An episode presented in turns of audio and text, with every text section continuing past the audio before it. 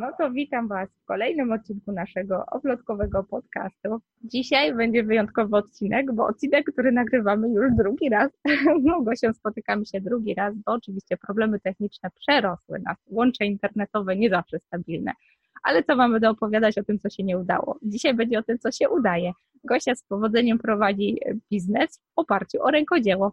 Za chwileczkę Gosia Wam więcej opowie na temat tego biznesu, bo nie zawsze mus, musi to wyglądać tak, że to rękodzielnik tworzy swoje produkty. Gosiu, powiedz nam o sobie, co ja tu będę gadać. Cześć, witajcie, e, miło Was poznać chociaż wirtualnie. Tak jak Agnieszka wspomniała, tak, jestem właścicielem marki Timo Simo, czyli produktów handmade, ręcznie szytych przez moich twórców, moich twórców, ponieważ ja jestem właścicielem, pomysłodawcą, PR-owcem, marketingowcem, często projektantem, ale ja nie szyję. Po prostu zatrudniam ludzi, współpracuję z teraz już chyba ośmioma, może nawet dziesięcioma osobami, które specjalizują się w różnych, różnych odnogach handmade'u dla dzieci, bo Timo Simo ma swój sklep internetowy, timosimo.pl zapraszam i są to produkty ręcznie tworzone, Oczywiście też dodatkiem maszyny, bo nie ukrywajmy, to nie jest tak często, że 100% ręcznie jest wykonana lalka, przytulanka, kocyk czy inny. Często są to dodatki po prostu ręcznie robione, ale są też produkty 100% ręcznie robione typu szydełko. Y, tak więc właśnie współpracuję z tymi osobami, które specjalizują się w różnych, w różnych tutaj specjalizacjach rękodzielniczych, jeśli chodzi o dzieci, czyli na przykład wykonują rzeczy na szydełku. Jedna osoba na przykład jest od tak zwanych bio, czyli y, specjalizuje się w tworzeniu dla mnie przytulanek organicznych, z lnu, z bawełny organicznej.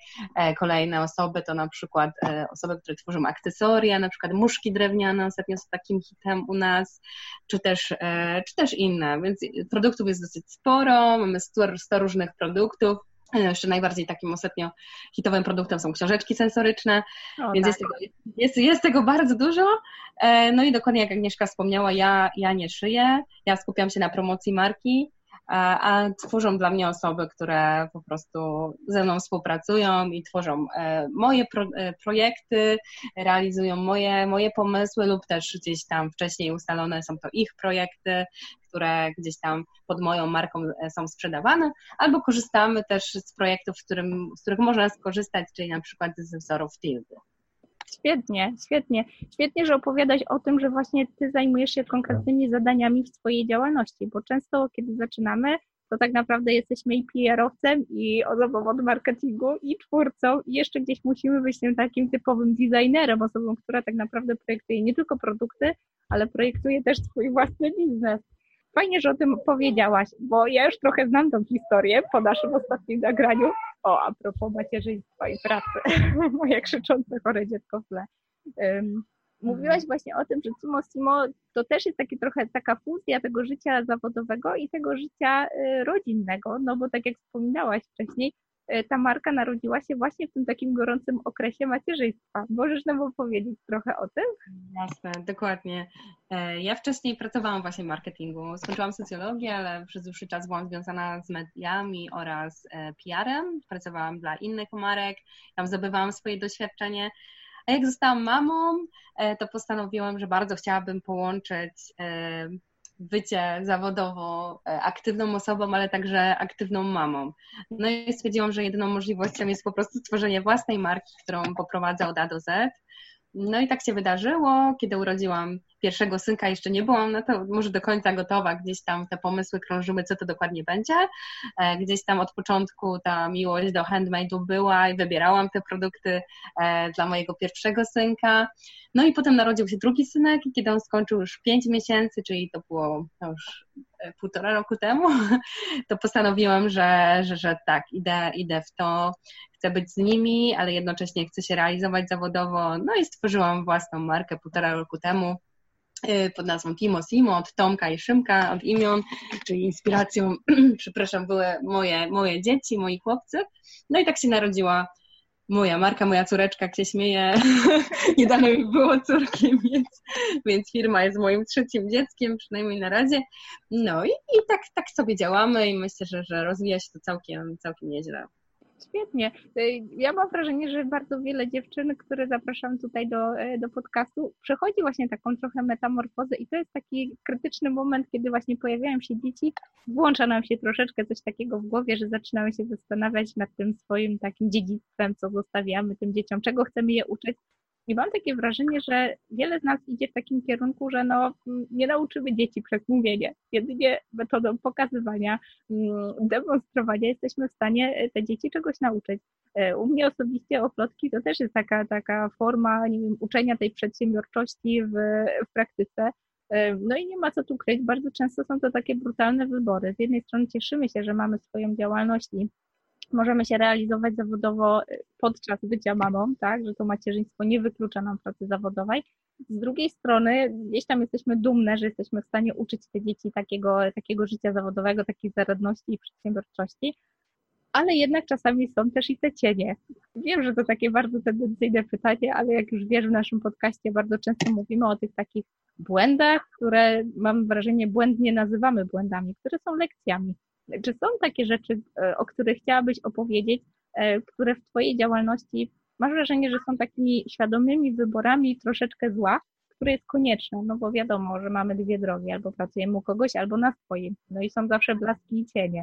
Czy mogłabyś się z nami podzielić tym, co dla Ciebie jest właśnie tym cieniem prowadzenia własnej działalności, no tak, znaczy na pewno to, że, że gdzieś tam większość czasu, bo gdzieś tam to moją pracownię mam w domu, na razie jeszcze jesteśmy w mieszkaniu, a gdzieś tam chcemy się teraz za pół roku przenieść, bo budujemy dom, więc w końcu będę miała takie powiedzmy profesjonalne biuro, więc będę miała poczucie, że, że jest to moje, mój azyl, a nie gdzieś tam wrzucona jestem pomiędzy kąciku, a gdzieś tam, gdzie to może jest właśnie takie wszystko mylące, wszystko się tak zlewa, a gdzieś tam w nowym domu, gdzieś tam, który się buduje, jest takie miejsce przeznaczone, troszeczkę oddzielone od domu, więc będzie taka troszeczkę e, przestrzeń wydzielona, co jest zdrowe.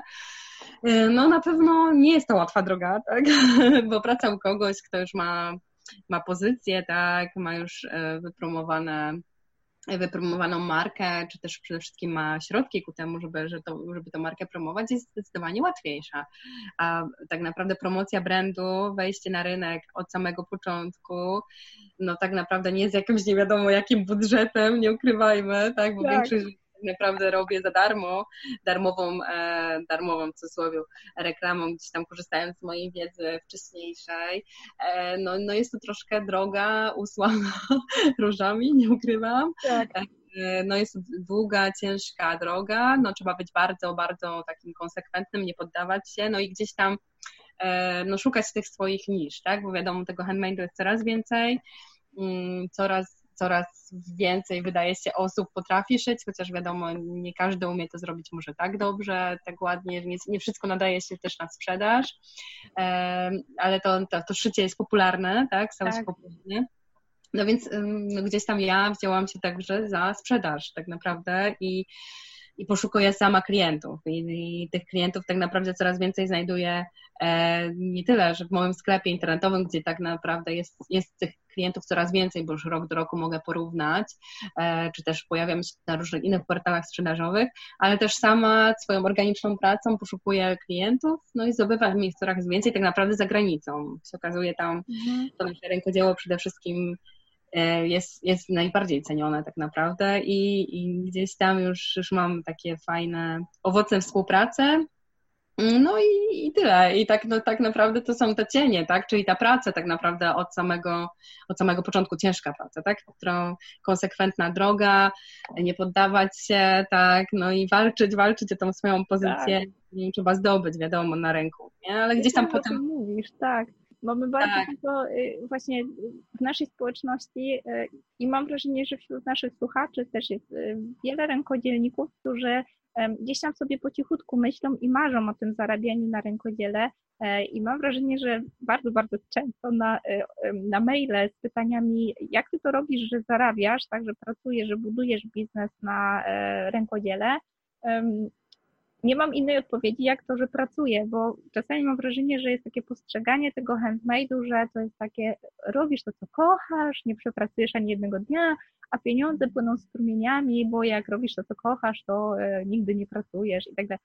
A prawda jest taka, że to jest praca jak każda inna i rzeczywiście robimy to, co lubimy, ale to jest tak naprawdę procent tej naszej pracy, a cała reszta to jest po prostu praca. I świetnie, że mówisz o tej konsekwencji i właśnie o tej pracy, bo mam wrażenie, że żyjemy trochę w takich czasach, gdzie na każdym kroku obiecuje nam się taki ten overnight success, tak? Pięć kroków do sukcesu z dnia na dzień, siedem kroków do zrobienia czegoś tam w tydzień. I mam wrażenie, że troszeczkę nie doceniamy tego, co można realizować takimi małymi cegiełkami z dnia na dzień, krok po kroku, taką właśnie konsekwencją i taką no, jasną wizją, do której dążymy. Łatwiej wtedy sobie dać przyzwolenie na, nie wiem, tydzień odpoczynku, dwa tygodnie urlopu z dzieciakami, tak. jak wiemy, że wracamy do takiej naszej rutynki, takiej po prostu solidnej pracy dzień za dniem.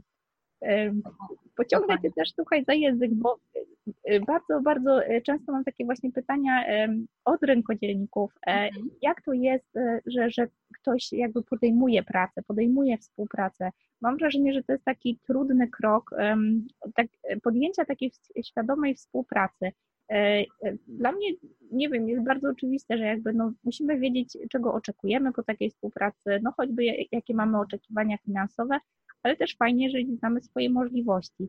E, wiem, że teraz jesteś gdzieś w procesie rekrutacji, podejrzewam, że to teraz i pewno w przyszłości też będzie, będzie takich procesów więcej, ale może byłaby to taka cenna informacja, żebyś podzieliła się, jak to wygląda z tej drugiej strony, bo mam wrażenie, że mam w społeczności bardzo wielu rękodzielników, którzy tylko marzą o tego typu zleceniu pracy, że ktoś jakby doceni ich umiejętności, i będzie chciał u nich zamawiać produkty, a ty jesteś właśnie po tej drugiej stronie, tej, tej stronie zamawiającego. No dokładnie, jak to wygląda? No właśnie teraz ze względu na to tylko właściwie mogę się cieszyć i oby to trwało y, na więcej zleceń po prostu przyszedł czas u nas i nie ukrywam, że po prostu osoby, które z nami współpracują, no już nie dają rady, to wiadomo jest, są tylko dwie ręce, tak? a u nas często są to duże zamówienia, bardzo duże e, na, jakiegoś, na jakieś produkty i po prostu potrzebuję już e, paru osób na przykład do czegoś tam. E, I, i teraz właśnie jestem na tym etapie, dokładnie jutro będę wybierać osoby, które mi się zgłosiły na kandydatów do współpracy. No jak to wygląda? E, no gdzieś tam mam już bazę osób, z którymi współpracuję od samego początku, jest to tam kilka, kilka, kilka osób, no i które, które mnie zadowalają pod względem właśnie estetycznym, e, pod względem jakościowym, ponieważ bardzo ważne jest, żeby zwracam na to uwagę, żeby produkty były wiadomo estetyczne, e, tak. dobrze wykonane jakościowo, to jest, to jest numer, numer jeden tak naprawdę najważniejsze. No i wygląda to w ten sposób, że najlepiej jeśli oczywiście osoby mieszkają w Poznaniu e, albo mhm. okolicach, bo wtedy jest ta logistyka zdecydowanie ułatwiona i się zawsze spotykamy, rozmawiamy e, na temat współpracy, na temat tego, że na przykład ten, teraz e, szukamy osób do szydełka, że jest, coraz więcej zamówień z szydełka, mamy konkretne wzory do odwzorowania, ustalamy sobie stawkę. No, u nas jest taka po prostu zasada, no, warunek współpracy, że bo często jest tak, i oczywiście ja to rozumiem, że osoby, które chciałyby z nami współpracować, mają już tam swoją jakąś markę, tak? E, raczej to taka niszo, no, niszowa, nikogo nie chcę obrazić, ale no, nie są to osoby, które mają sklepy internetowe i tak dalej, tylko osoby mają na przykład swojego fanpage'a, no mhm. i chciałyby na przykład e, sygnować te nasze produkty swoją marką. Znaczy u nas nie ma takiej możliwości, bo to są nasze jakieś tam wzory, pomysły i to my mocno inwestujemy właśnie w Timosimo po to, żeby, żeby ta marka zaistniała i po to, żeby też druga strona miała stałe zlecenia, tak? Więc e, jakby nie wprowadzamy e, marki twórcy, nie promujemy twórców, tylko promujemy nasz brand, który gdzieś tam coraz bardziej w świadomości jest, e, jest dostrzegany i, i, i, cieszy się większą popularnością. Więc to jest taki nasz, powiedzmy, warunek, tak? Musimy zobaczyć wykonaną próbę zlecenia tego, czy twórca godzi się na taką współpracę, że nie, nie promujemy jego jako jego. Tak, jego marki, tylko tak, tylko tak. No, mhm. dokładnie. I, i no i to jest tak naprawdę ten etap, aczkolwiek to nie jest tak, nie zamykam drogi do twórców z innych miast, ponieważ mam bardzo udane współpracę z dziewczyn, chociażby od książeczek sensorycznych z końca Polski tak naprawdę, gdzie mamy super kontakt, nie widziałyśmy się praktycznie nigdy, a, jest tak pełen profesjonalizm i terminowość, bo to jest też bardzo ważne żeby dotrzymywać terminów, ponieważ często jest tak, że mamy jakieś zamówienie zagraniczne, jakąś większą ilość i po prostu no, termin musi być dotrzymany. Tak, więc musimy, musimy też, na to, e, też na to bardzo mocno patrzymy. Czyli jakość e, wykonania, e, estetyka, tak, no wiadomo, warunki finansowe, które sobie ustalamy na samym początku no fajnie by było, jak, jakby twórca miał też działalność gospodarczą, wtedy to też ułatwia, nie ukrywam. E, jeśli ktoś ma właśnie działalność e, gospodarczą, może wystawić fakturę, to wtedy mamy taką nieograniczoną no tak. możliwość zamawiania, bo jeśli nie ma, to też mamy oczywiście takie osoby, to wtedy dzięki nowym przepisom prawa w Polsce e, no tak. możemy po prostu działać bez umów, tak? czyli bez jakichś tam kosztów dodatkowych. Wiadomo, normalnie osoba musiałaby się rozliczyć tak? prostu w podatkach, e, tak. przy rozliczeniach rocznych z takiej naszej, e, no, naszej transakcji.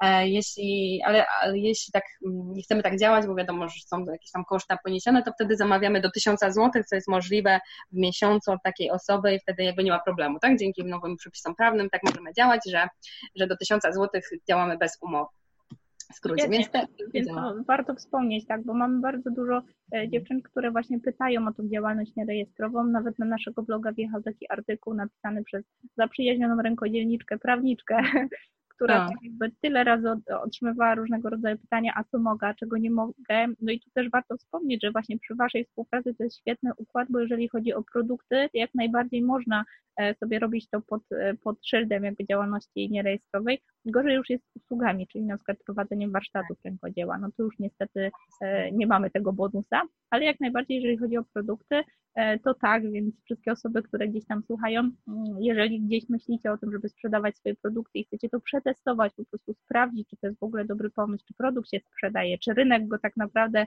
e, ciepło przyjmuje, to niekoniecznie musimy biegiem zakładać e, działalność tak i już rzucać się na płacenie ZUS-u, księgową podatki i całą resztę tych historii. Warto zbadać ten rynek, skoro dostajemy takie narzędzie, że możemy go e, zbadać jeszcze nie zakładając działalności, prowadząc tylko po prostu taką ewidencję sprzedanych e, produktów. Świetnie, że, że mówisz właśnie o tym, o tych różnych formach współpracy, bo rzeczywiście mam wrażenie, że to jest też taka, e, taka rzecz, o której nie mówimy przy tych działalnościach rękodzielniczych, bo mamy taką, wiecie, romantyczną wizję, jak to tam dziergamy na tym końcyku, jak to na tych instagramowych zdjęciach z kawką u boku i ten dzień jest tak. taki piękny i poetycki, i jakoś w tej całej opowieści brakuje nam tego, wiecie, wątka e, księgowej, papierów, Exceli, papierów, poczty papierów, ZUS-ów, urzędów mhm. skarbowych i całej reszty. I mam wrażenie, że rzeczywiście y, prowadząc właśnie te, te działania marketingowe, PR-owe i tak naprawdę koordynując działanie tak wielu osób, które tworzą, no siłą rzeczy na ciebie spada e, ta najcięższa praca, to najbardziej niewdzięczna praca. Czy masz mhm. jakieś takie, może też tipy dla osób, z którymi gdzieś tam współpracujesz, na pewno gdzieś pojawiają się takie rzeczy i na pewno gdzieś podglądasz, że są jakieś takie rzeczy, które umykają tym naszym artystom, o których mhm. warto by było pamiętać i gdzieś tam od samego początku sobie ich pilnować z myślą o dalszych współpracach. Tak, to tutaj muszę powiedzieć, że jestem może szczęściarą, ponieważ Timo Simo to, to przede wszystkim ja, ja jestem twórcą, pomysłodawczynią e, i właścicielem, ale mój mąż jest programistą i moim księgowym osobistym. No, więc generalnie e, on jest no, ekonomistą, ma to swoje plusy i minusy, ponieważ zawsze wyliczy mi co do złotówki, czy, czy dany miesiąc był naprawdę tak optymistycznie się zakończył, jak mi się wydaje, czy nie. E, no, ale w każdym razie, więc ja, jeśli chodzi o papiery, to w ogóle nie, nie zajmuję się tym, więc jestem szczęściarą, ponieważ ja tego też osobiście nie lubię, więc cała księgowość, że tak powiem, spada na mojego męża, więc tutaj więcej niestety nie powiem. E, mogę tylko powiedzieć tyle, że, że jest to prowadzone na pewno dobrze jesteśmy transparentną firmą i, i wszystkie, wszystkie rzeczy. E, Ale świetnie, że o tym mówisz, bo sam fakt, że po prostu wiesz, kto jest odpowiedzialny za takie zadania, że one są delegowane osobie zaufanej, to już jest taki pro tip, tak? E, ja mam wrażenie, że często, no, nie wiem, e, często przy takich jakby małych działalnościach, gdzie gdzieś tam zaczyna współpracować z mniejszymi przedsiębiorcami gdzieś na początku swojej drogi, teraz mamy też trochę taki wysyp przedsiębiorców po dotacyjnych, więc to też są jakieś takie powiedzmy cechy charakterystyczne często tych osób. Mam wrażenie, że takie, takie stadium delegowania pracy księgowej księgowemu to jest taka wizja e, ojej, ja jeszcze nie jestem w tym miejscu, to jeszcze nie jest takie korpo i taka wielka firma, Mm, I nie wiem, mam też taką misję trochę odczarowywania tego, bo mm, jeżeli jesteśmy dobrzy w czymś, to dlaczego za choinkę mamy się teraz uczyć mm. księgowości, bo mamy trzy faktury do rozliczenia w miesiącu? Tak. Dlaczego nie dojrzewamy do decyzji, że delegujmy to osobom, które są w tym o wiele bardziej kompetentne, po to, żeby oszczędzać nasz czas i móc się zajmować tym, w czym jesteśmy tak naprawdę dobre. Tak naprawdę w sobie e, udzieliłaś najlepszej rady pod słońcem. Delegujmy, tak, kiedy jesteśmy w stanie, tak, a nie kiedy musimy. No, ja jestem zwolennikiem, od zawsze też wcześniej z firmie, w której pracowałam, to delegowanie to było najważniejsze zadanie. Wiadomo, tutaj w małej firmie to, to, to tak się nie da, bo też nie mamy nie wiadomo jakiej, jakich budżetów i też nie wiadomo jak, ilu tutaj pracowników, tak? Bo głównie ja, ale współpracuję z wieloma osobami, czy mam swoich ambasadorów nawet na Instagramie, tak, to też polecam takim początkującym e, no, twórcom, którzy chcieliby gdzieś tam wypromować swój brand tak się właśnie teraz w najnowszych trendach promuje swoje, swoje dzieła, czyli właśnie ten Instagram, Instagram, Facebook, no i po prostu nawiązuje różne współprace z ambasadorami, jestem gdzieś tam za to wszystko odpowiedzialna, e, czy też blogerami. No jest tak naprawdę tego dużo, tak? A oprócz tego przede wszystkim jestem mamą i wiadomo, choroby i inne, sama wiesz jak to jest. Tak, dokładnie. Oczywiście jest to praca bardzo elastyczna i często oczywiście na mnie spada obowiązek zajmowania się wszystkim innym, no bo przynajmniej ten mąż musi mieć tą pracę tak e, stabilną. Jest taka stabilizacja, tak. Dokładnie. Tak, dokładnie, a ja mogę gdzieś to elastycznie sobie ustawić, więc no więc tak to wygląda, że, że jak najbardziej no delegowanie to jest, to jest ważna rzecz, tak? No, ja zawsze podziwiam i też no, jestem pełna podziwu, ale wiem, że jest to niemożliwe, żeby twórca, który musi skupić się na dziele, tak naprawdę jeszcze był super, nie wiem, sprzedawcą marketingowcem, tak. PR. No tego się po prostu nie da, tak? Ja wiem o tym, bo y, może w jakiejś części się na pewno da, ale nie jest to wykorzystane na pewno potencjał, no bo nie wyobrażam sobie tego y, i wiem, jak czasochłonne jest po prostu rękodzieło, tak? I na tym trzeba się po prostu skupić, y, to się wykonuje z przyjemnością, a jeszcze po godzinach się wypromować, no jest to ciężka sprawa, dlatego ja gdzieś mam taką misję, żeby po prostu te talenty wyłowić i żeby tak. przyszli do nas, bo ja mam się tym skupić. Rzeczywiście łączy, że mam wrażenie, że też w tak. plotkach non-stop e, trafiam na kolejne, kolejne osoby, które tak naprawdę przychodzą e, do mnie, żeby uczyć się jakichś takich narzędzi właśnie promocji, czy narzędzi zaistnienia w sieci, bo też jakby nie jestem gdzieś tam e, powiedzmy osobą, która chciałaby być nazywana, nie wiem, specem od promocji i tak dalej. Musiałam to zrobić, żeby po prostu zapracować na swoją markę.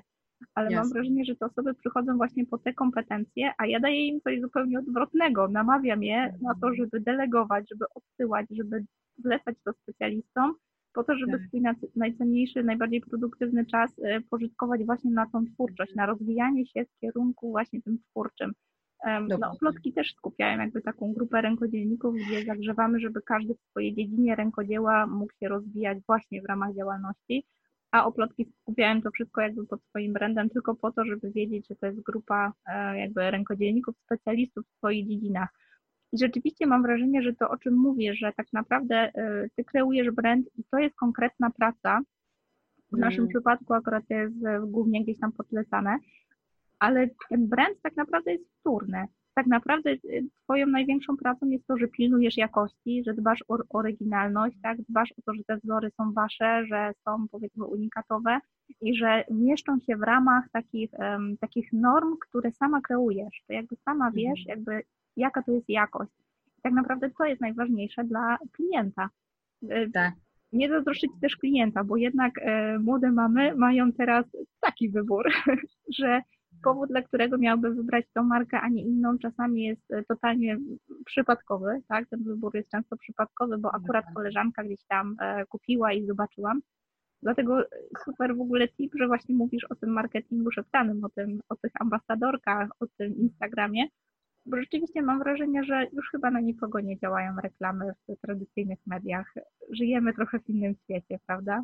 Dokładnie tak i też, też właśnie idziemy z tym duchem, że kiedyś gdzieś tam w poprzednich pracach zupełnie korzystałam z innych źródeł, a teraz widzę, co, co działa najbardziej i dokładnie no, inwestycja w social media to jest jednak podstawa w naszym biznesie, no ale też oprócz tego to naprawdę jeśli chcemy szukać, y, znaleźć klientów, to często po prostu trzeba samemu poszukać, to tak konkretna praca, najtrudniejsza tak. zdecydowanie, ale no widzę, że u mnie najbardziej efektywna, jeśli zdobyłam dosyć dużo takich klientów kluczowych teraz dla naszej firmy, tak naprawdę z zagranicy, gdzie są to zlecenia już hurtowe, tak? Na tym po prostu można zarobić. Tak. E, bo tych pojedynczych no, musi być sporo naprawdę w miesiącu, żebyśmy żebyśmy mogli powiedzieć, ok, dobry miesiąc był, tak? Ale jest to, tak. powiem szczerze, dla mnie teraz obecnie trudniejsze, żeby było naprawdę bardzo dużo zamówień, e, jeśli chodzi o klienta indywidualnego w Polsce. Teraz powiem dlaczego. E, niż łatwiej jest mi tak naprawdę teraz, tak paradoksalnie teraz e, wejść z produktem za granicę, gdzie gdzieś tam zdobyłam tych klientów i oni po prostu zamawiają konkretne ilości. A dlaczego trudno? Ponieważ ja mam sklep internetowy, no i sklep internetowy wymaga pozycjonowania, a jest to duży koszt, tak? bardzo duży koszt. Ja mam gdzieś tam osobistego programistę, który jest programistą, ale nie konkretnie nie zajmuje się pozycjonowaniem, aczkolwiek mógł zrobić wiele rzeczy, które gdzieś tam nam ułatwiły to, że, ale tak naprawdę jeszcze nie inwestujemy duże, dużych środków, tak? Nie mam dużego budżetu na to, żeby ten, ten sklep internetowy miał lepsze, lepszą pozycję w Google. No i dlatego po prostu większość naszych zakupowiczów to są przypadkowe, dokładnie tak powiedziałaś, e, przypadkowi klienci, tak, gdzieś tam z Google, ale nieprzypadkowi są na przykład z Instagrama, Facebooka, czy gdzieś tam innych z blogosfery, ponieważ też piszemy bloga, też zapraszam, no satyryczny tak satyryczny blog e, parentingowy Timo Simo, taki napisany z humorem o macierzyństwie, nie, nie, nie kolejny blog może nudny o macierzyństwie, tylko napisany naprawdę z humorem i polecam. E, no więc gdzieś tymi własnymi środkami tak naprawdę włas, ja pozycjonuję nasz sklep, tak? I to są takie moje konkretne celowe działania i one pomagają, one faktycznie zdobywają klientów, ale jeśli chodzi o takie stricte pozycjonowanie, to my jeszcze z tego nie korzystamy, aczkolwiek cały czas się do tego przymierzamy, ale mamy tego świadomość, ja też tego mam świadomość, mając programistę w domu, że jest to duży wydatek, a efekty tak naprawdę są po roku dopiero. No. Tak, tak, że to jest machina, która nim ruszy i zacznie przynosić efekty, to jest jednak e, dużo czasu, ale no, w czasie trzeba żyć.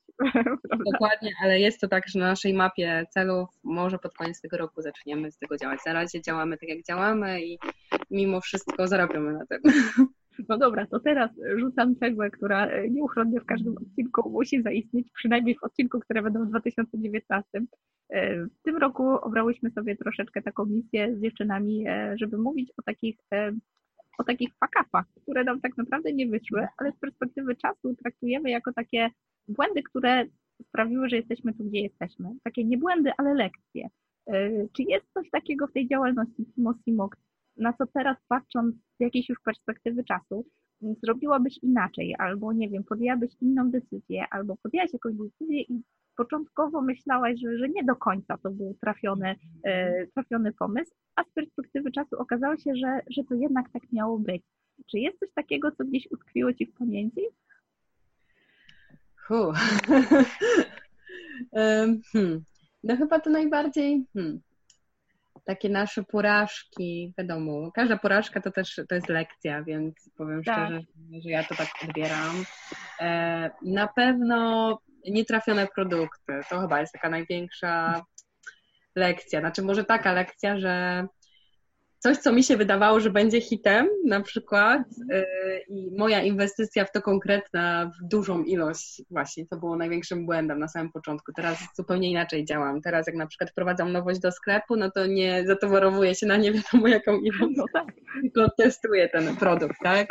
Bo tak naprawdę już się przekonałam, że, że totalnie te moje potencjalne hity wcale tymi hitami nie są, nie były, nie będą, a, a produkty, o których bym w ogóle nie pomyślała, okazują się, że się sprzedają, sprzedają najlepiej, więc to też ciężko, ciężko zawsze przewidzieć. E, no więc to chyba to, może nie będę mówić konkretnie, bo już tego nie ma w naszym sklepie, ale to, że po prostu miałam e, bardzo, mam taką pewną siebie osobą na samym początku, że tak, to będzie hit, dlatego zamawiam tego kilkadziesiąt sztuk, tak? I sprzedawałam to przez rok po wyprzedażach. Więc można powiedzieć, że tak, że to jest duża lekcja, że jeśli nie mam spra sprawdzonego produktu, to na pewno nie mogę zatowarowywać się na nie wiadomo jaką ilość, tylko faktycznie to najpierw sprawdzić e, i, i wtedy ocenić, czy to może być hit, czy nie hit. Okay. no to po krótkich problemach technicznych wracamy tak naprawdę na podsumowanie naszego podcastu. E, dzisiaj to już chyba jest taki dzień, gdzie po prostu co chwilę coś tam się wyłącza i włącza i tak dalej, ale nie byłabym sobą, gdybyśmy nie podsumowały takiego, e, tego naszego podcastu taką, taką ostatnią wizją, bo wiem, że Małgosiu gdzieś marzysz o tym, żeby firma się rozwijała, żeby dalej e, gdzieś tam coraz większa sprzedaż. E, jak myślisz, jakie jest jedno takie, jedno takie marzenie na najbliższe e, lata, które gdzieś podsumują, co będzie się da, dalej działo w Simo? Tak, przede wszystkim, tak jak już wcześniej powiedziałaś, no najważniejsza jest sprzedaż. E, nie tworzymy dla samego tworzenia, które jest oczywiście piękne, ale każdy z nas chce na tym zarabiać, tak? My chcemy zarabiać, ręko, rękodzielnicy, którzy z nami współpracują, chcą zarabiać, dlatego rozszerzamy nasze pole działania, o, szukając nowych klientów, szukamy coraz więcej e, firm, osób zainteresowanych naszym rękodziełem za granicą. Będziemy pojawiać się na targach e, międzynarodowych, przynajmniej na dwóch imprezach, coraz więcej targów także w Polsce, także innych eventów związanych z, z macierzyństwem i handmade'em szeroko rozumianym. Tak więc tak naprawdę chodzi o to, żeby po prostu zdobyć jak najwięcej, najwięcej klientów nowych, stałych klientów, no i żebyśmy mieli pracę, tak, żebyśmy mogli na tym po prostu zarabiać. Świetnie. Myślę, że nie ma lepszego podsumowania niż fakt, że właśnie dbasz o tą stronę y, taką praktyczną, bo bardzo często odpływamy w tych naszych wizjach rękodzielniczych świat romantycznego tworzenia y, i życia właśnie pod tym kocykiem instagramowej, przy instagramowej kawce, y, a tak naprawdę zapominamy o tym, że kiedy się rozwijamy, po ludzku kalkulujemy, czy coś nam się opłaca, czy nie. Kiedy badamy ten rynek i jesteśmy w stanie utrzymać się z działalności rękodzielniczej, to po, po ludzku dajemy pracę, rozwijamy się dalej, zapewniamy tą pracę osobom, które gdzieś są o kilka kroków e, za nami i tak naprawdę gdzieś wciągamy je na ten kolejny poziom.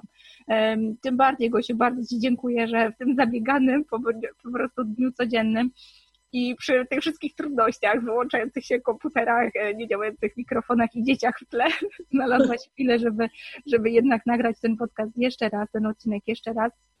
Także tym bardziej Ci dziękuję i bardzo serdecznie zapraszam naszych słuchaczy, żeby wpadli na stronę do Gosi. Zresztą, Gosia, oddaję Ci głos. No właśnie, zapraszam Was, kochani.